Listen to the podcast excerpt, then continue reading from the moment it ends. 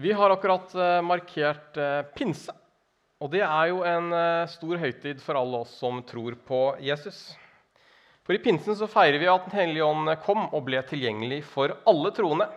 Og det var en stor endring, en stor game changer, som det kalles. Når Den hellige ånd kom og ble tilgjengelig for oss og for de første disiplene. Og Den hellige ånd er sentral i eh, kristen tro, og derfor så kjører vi altså nå en eh, taleserie over eh, tre søndager som vi har kalt for Ånden, med diverse ulike undertitler. Komme tilbake til det. Men Den hellige ånd kan jo kanskje noen ganger fremstå som litt mystisk eller litt fjern.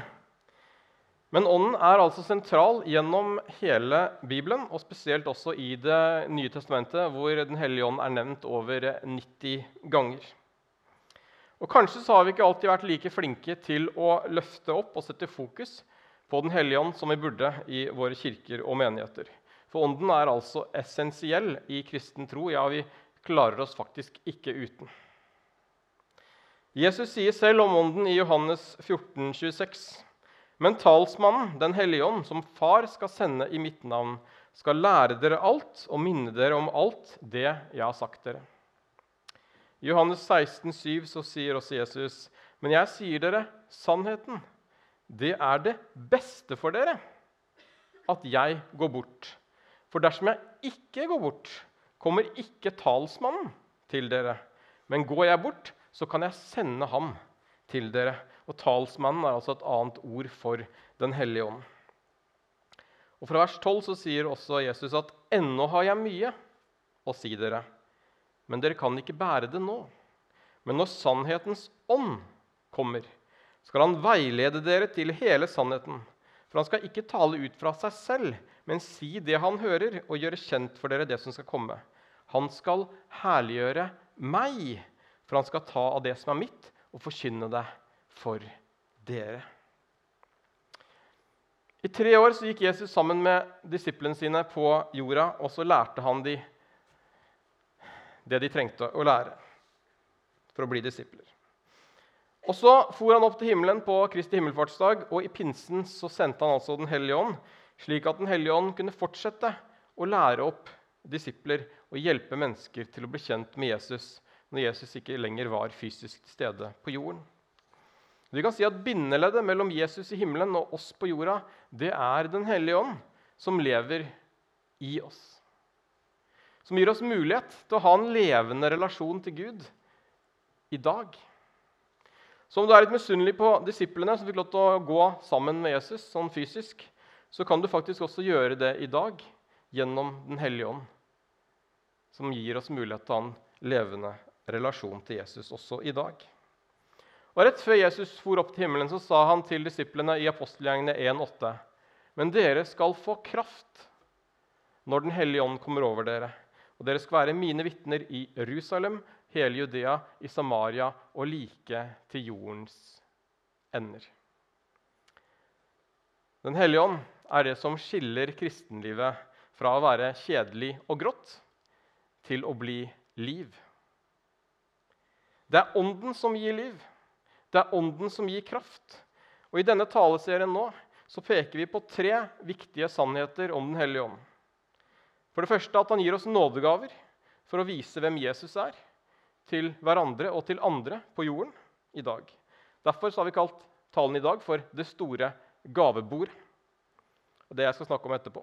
Og For det andre så hjelper Ånden oss til å bære god frukt. så Derfor så kommer det store fruktfatet neste søndag, Thomas, når Odd Arild Berge skal tale.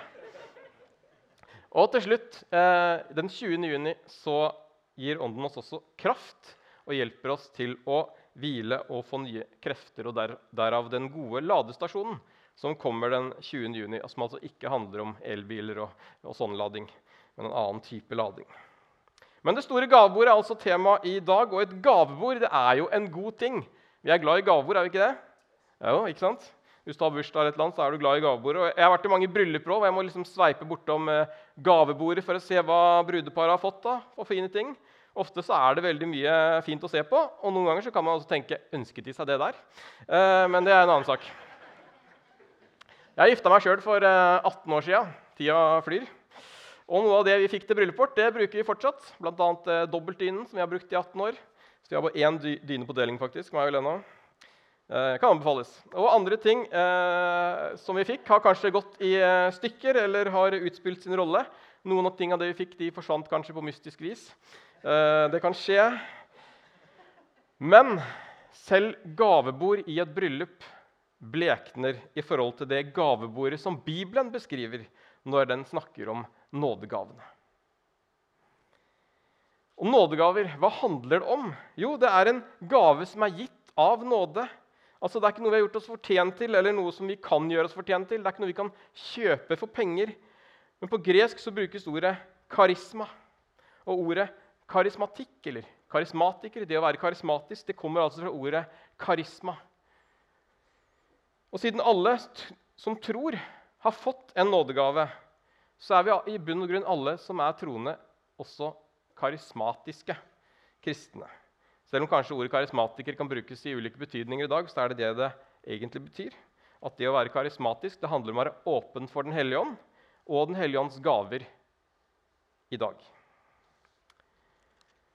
Og alle har fått en gave, sa jeg. Og Peter skriver i 1. Peters brev 4.10.: Ettersom enhver har fått en nådegave, så tjen hverandre med den som gode forvaltere over Guds mangefoldige nåde.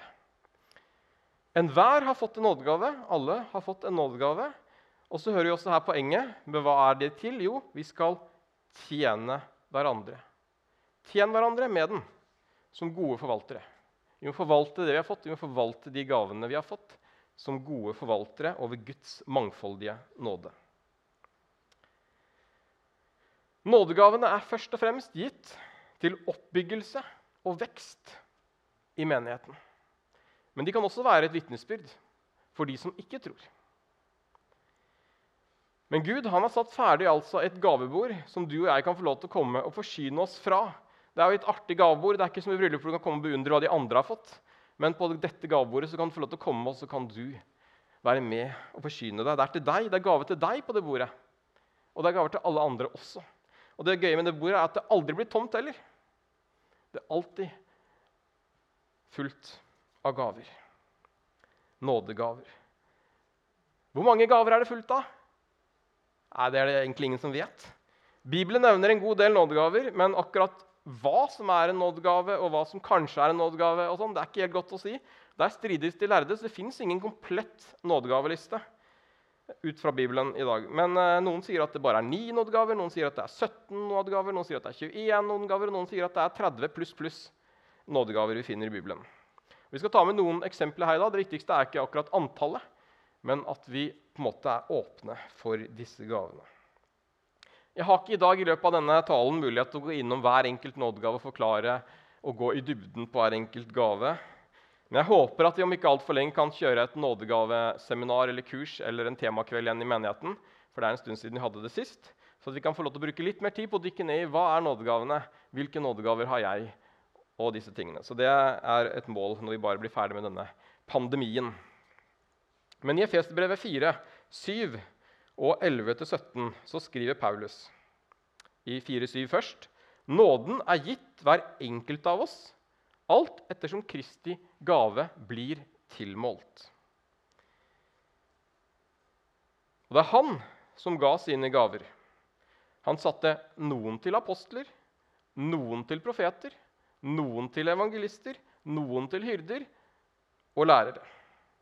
Han gjorde det for å utruste de hellige, så de kan utføre sin tjeneste, og Kristi legeme kan bygges opp. Inntil vi alle når fram til enheten i troen på Guds sønn og i kjennskap til ham, og vi blir den modne mann som har nådd sin fulle vekst og fått hele Kristi fylde. Det er gode vers. Og Det står her at nådegavene er først og fremst gitt for å utruste de hellige. Stod det.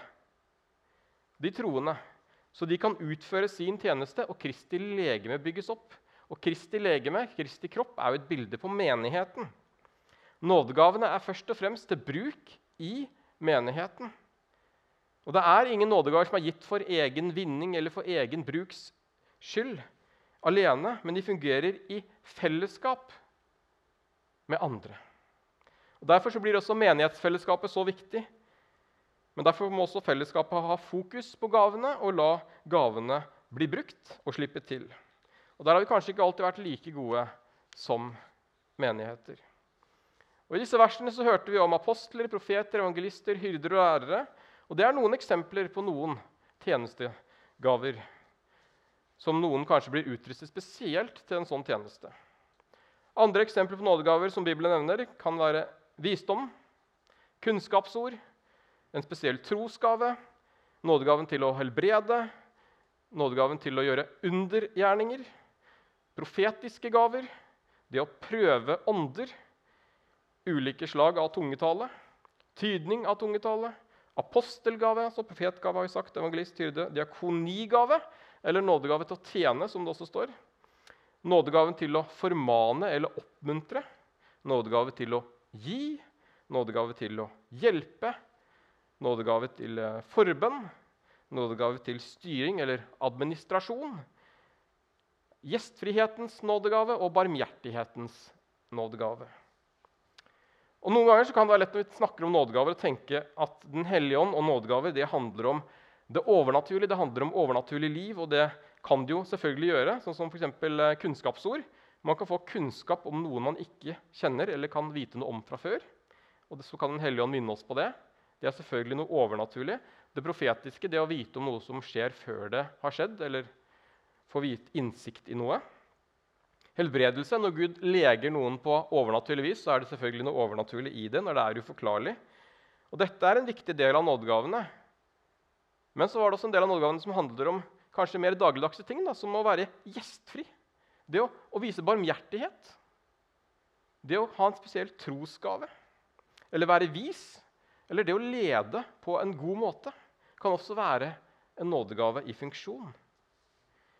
Det som allikevel gjør alle gavene litt overnaturlige, likevel, er jo at det er Den hellige ånd som hjelper oss til å utøve og bruke disse gavene på en spesiell måte, og som gir oss kraft til å stå i tjeneste. Så Vi kommer jo ikke utenom at det, er noe, det har med Den hellige ånd å gjøre uansett hvilken gave det er snakk om. Og så er det selvfølgelig også viktig å nevne i en bisetning at du kan være gjestfri selv om det ikke er din nådegave. Og du kan selvfølgelig be for mennesker om helbredelse, selv om du kanskje ikke har nådegaven. Du kan lede, selv om du ikke har den nådegaven. Og Det skal ikke være en sånn hvilepute at du kan si 'beklager, den nådegaven har ikke jeg'. For det står også 'streb etter nådegavene'. Vi kan strekke oss etter flere nådegaver. Og så kan vi få lov til å gjøre det vi kan, og så er det Gud som skal gjøre resten. Og Det er også viktig, for det handler ikke om oss, det handler ikke om våre prestasjoner. Men det handler om at Gud bruker oss og fungerer og virker gjennom oss og gjennom Den hellige ånd. Og så sa jeg også at Gaven kan også være et vitnesbyrd for de som ikke tror. Og jeg vet at det er mange som har blitt kristne, eller som har fått troen nettopp gjennom å oppleve nådegaver i funksjon. Og Når det skjer noen overnaturlige tegn eller eh, mirakler, så blir ofte kanskje det av skeptikerne møtt med tanker om at det var jo bare en tilfeldighet. Eller ber du om nok ting, så får du kanskje svar på noe til slutt. eller sånne ting. Men akkurat som akkurat for nådegaver som eh, kunnskapsord da, og det å oppleve at mennesker kan på en måte tale inn i en situasjon som du har ingen forutsetning for å vite noe om på forhånd, det kan på en måte ikke forklares med placebo. Det blir litt vanskelig. Det kan forklares med et lykketreff, selvfølgelig. Men blir det mange av de, så blir det ofte kanskje mer en tro til slutt enn en tvil. Troen på at det er noe som er større enn oss selv. Jeg skulle gjerne brukt mye mer tid her også i talen i dag jeg, til å eh, dele noen vitnesbyrd og eksempler her. Men jeg håper at vi kan komme tilbake til mer av det den 20. juni, når vi skal fokusere på den gode ladestasjonen og åndens kraft. Men i forhold til nådegavene så er det også viktig å si at nådegavene er alltid gratis. De skal gis gratis og brukes gratis. Så hvis du ser noen som står med et skilt om at jeg ber for deg for 1000 kroner, så er ikke det en god ting. Og det blir også feil i forhold til Bibelen. Så er det også verdt å nevne at eh, nådegaver og naturgaver er to ulike ting. Du kan være en fabelaktig kunstner eller en eh, fotballspiller fra naturens side, sånn som jeg f.eks. Men det er nødvendigvis ikke nådegaven din, selv om det er mange som kanskje har trodd det eh, om meg. da. Men naturgaver de kan også brukes selvfølgelig til Guds ære. Man kan f.eks. ha en sanggave og vinne The Voice, for å bare ta et helt tilfeldig eksempel. Eh, men det behøver jo ikke være en nådegave av den grunn. Selv om jeg kanskje tror at det kan være snakk om det faktisk, når vi snakker om Erlend Gunstveit. Altså. Men eh, gratulerer med førsteplassen, Erlend. Eh, for øvrig. Moro. Men kanskje er du her i dag og vet hva din nådegave er. Kanskje har du flere nådegaver. Bibelen sier ikke at de bare må ha én. Det står bl.a. Eh, i 1. kor 14.1 at 'jag etter kjærligheten og jag med iver etter de åndelige gaver'. Du skal jage med iver etter de åndelige gaver. Kanskje er du her i dag og er usikker på om du har en nådegave, eller hvilken nådegave du har. Kanskje brukte du den før i tiden, men så har du kanskje mistet frimodigheten etter hvert til å fortsette å bruke den. Du har i hvert fall ikke mistet noen gaver. For bare hør hva det står i Romerbrevet 11,29. For Gud angrer ikke sine nådegaver og sitt kall. Han trekker dem ikke tilbake. Vi kan velge å ikke bruke dem, selvfølgelig, eller se bort fra det. Men de er der fortsatt. Og Hør hva Paulus skriver Timote til Timoteus i 2. Timoteus brev 1, 6 og 7. Derfor vil jeg minne deg om dette. La Guds nådegave i deg flamme opp på nytt, den du fikk da jeg la hendene på deg. For Gud ga oss ikke en ånd som gjør motløs. Vi fikk ånden som gir kraft, kjærlighet og visdom. Det er Den hellige ånd. Kraft, kjærlighet og visdom handler om, ikke motløsheten sånn.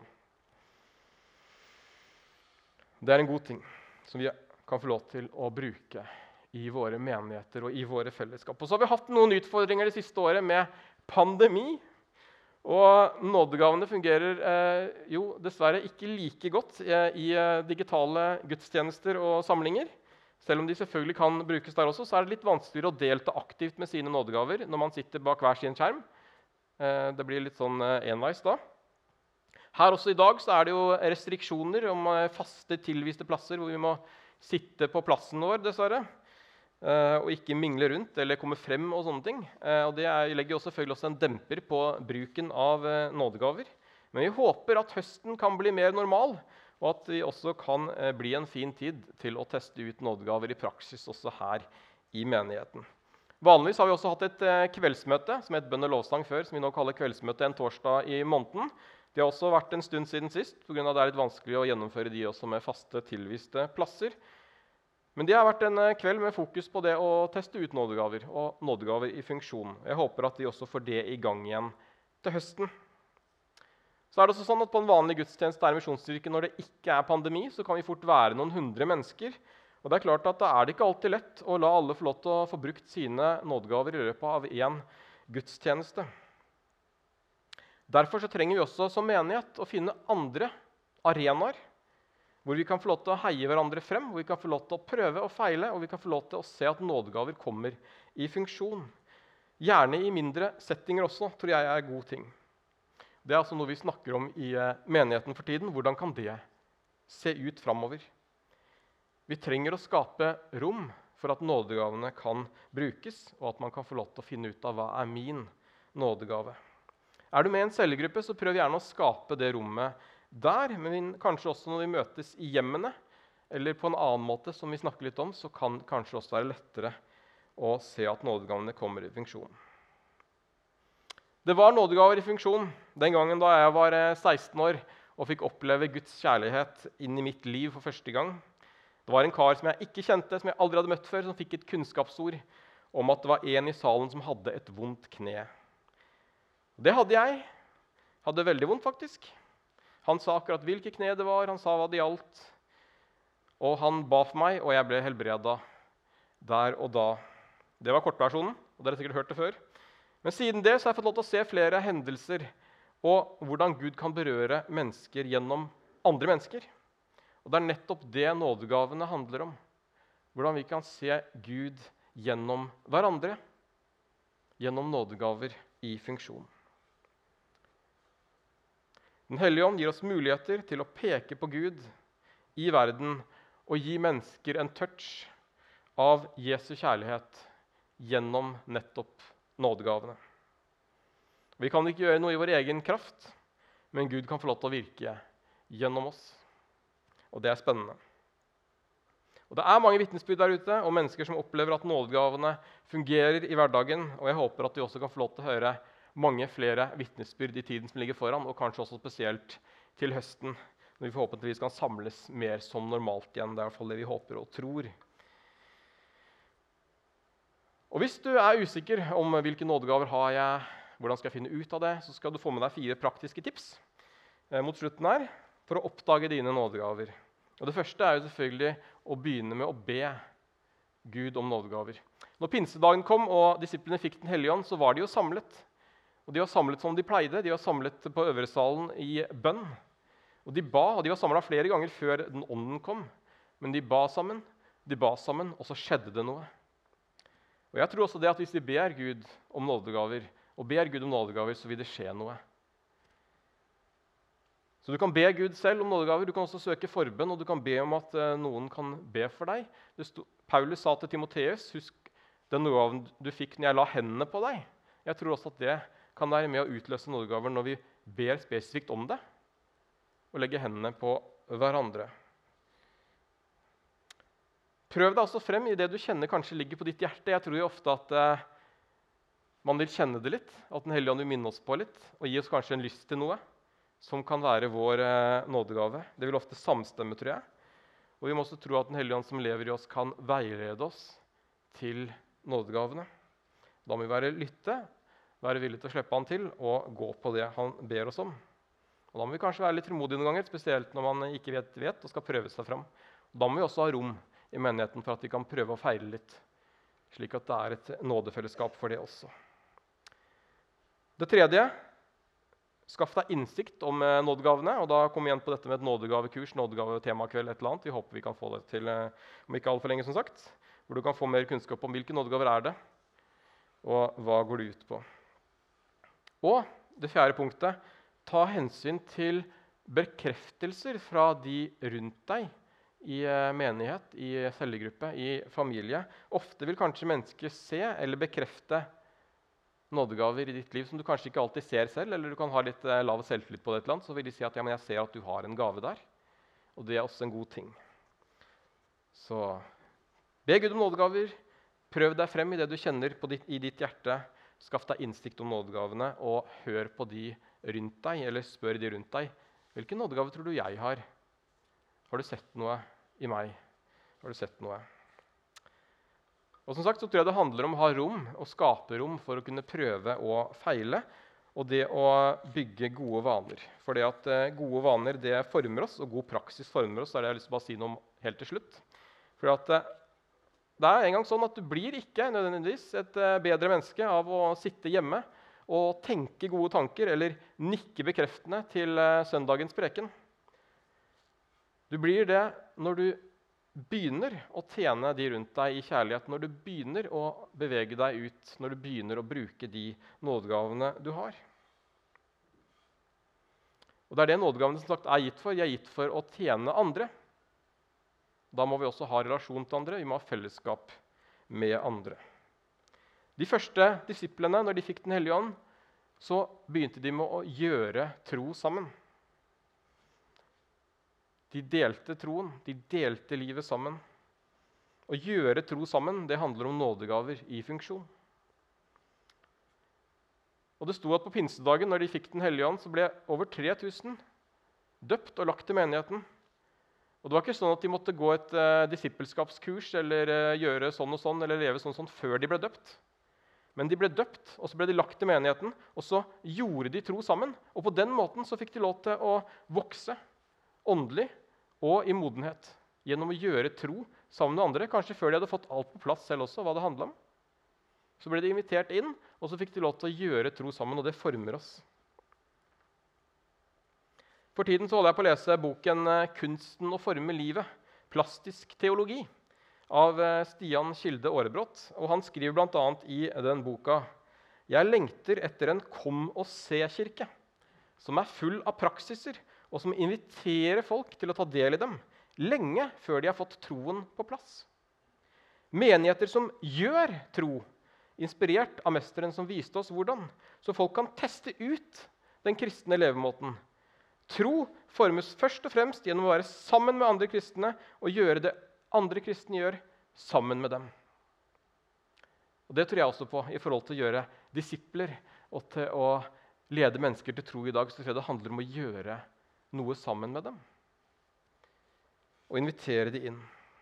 Aarebrot skriver også om gode vaner at det er først når man gjør noe, at man forstår hvorfor man burde gjøre det. Og Det tror jeg også veldig på.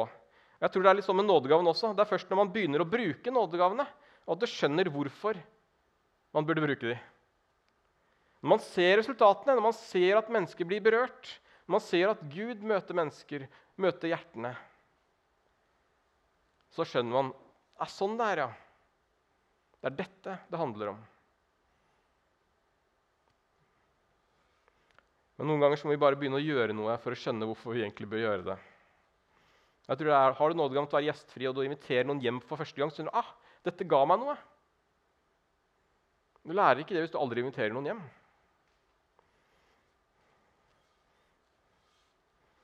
Nå snakker jeg om en, en tid uten korona. og sånn nå, da, så Vi skal ikke invitere alle hjem eh, med det første, men snart, håper jeg. Men gavebordet er eh, stort, i hvert fall. Det er viktig. Gavebordet er eh, dekka. Så la oss samles rundt gavebordet og dele gavene og dele livet med Jesus og med hverandre. Og du er invitert til å være med. Og det er det kjekke. Det er god plass rundt bordet. Vi kan til og med holde en meter avstand, alle sammen, og det er fortsatt plass rundt bordet. Det blir aldri fullt. Og til slutt, 1. Korinterbrev 12, 4-6 sier det er forskjellige nådegaver, men ånden er den samme. Det er forskjellige tjenester, men Herren er den samme. Og det er forskjellige, kraftige virkninger, men Gud er den samme, han som virker alt i alle. Det er han det handler om først og fremst. Og la oss be sammen. Kjære far, takker deg for eh, det fantastiske gavebordet som du har satt foran oss og som vi kan få lov til å ta del i, far. Takk for at Den hellige ånd ikke er forbeholdt noen få, men alle som tror, har fått Den hellige ånd, far. Og Det takker vi deg for, Jesus. Takk også for at enhver har fått en nådegave. Må du hjelpe oss alle til å ta del i dine gaver, far. Til å finne ut av hva er min gave, hvordan kan jeg bidra med min gave. Og så ber vi om at eh, pandemi skal forsvinne, far, slik at vi igjen til høsten kan eh, samles som normalt, far, og at du kan få lov til å virke iblant oss uten noen form for restriksjoner, far. Takk at du velsigner hver enkelt som er her, og hver enkelt som ser på akkurat nå, far. Fyll oss med din ånd, far. Led oss, far, og vis oss hva du har for hver enkelt og for menigheten og fellesskapet. Vi ber i Jesu navn. Amen.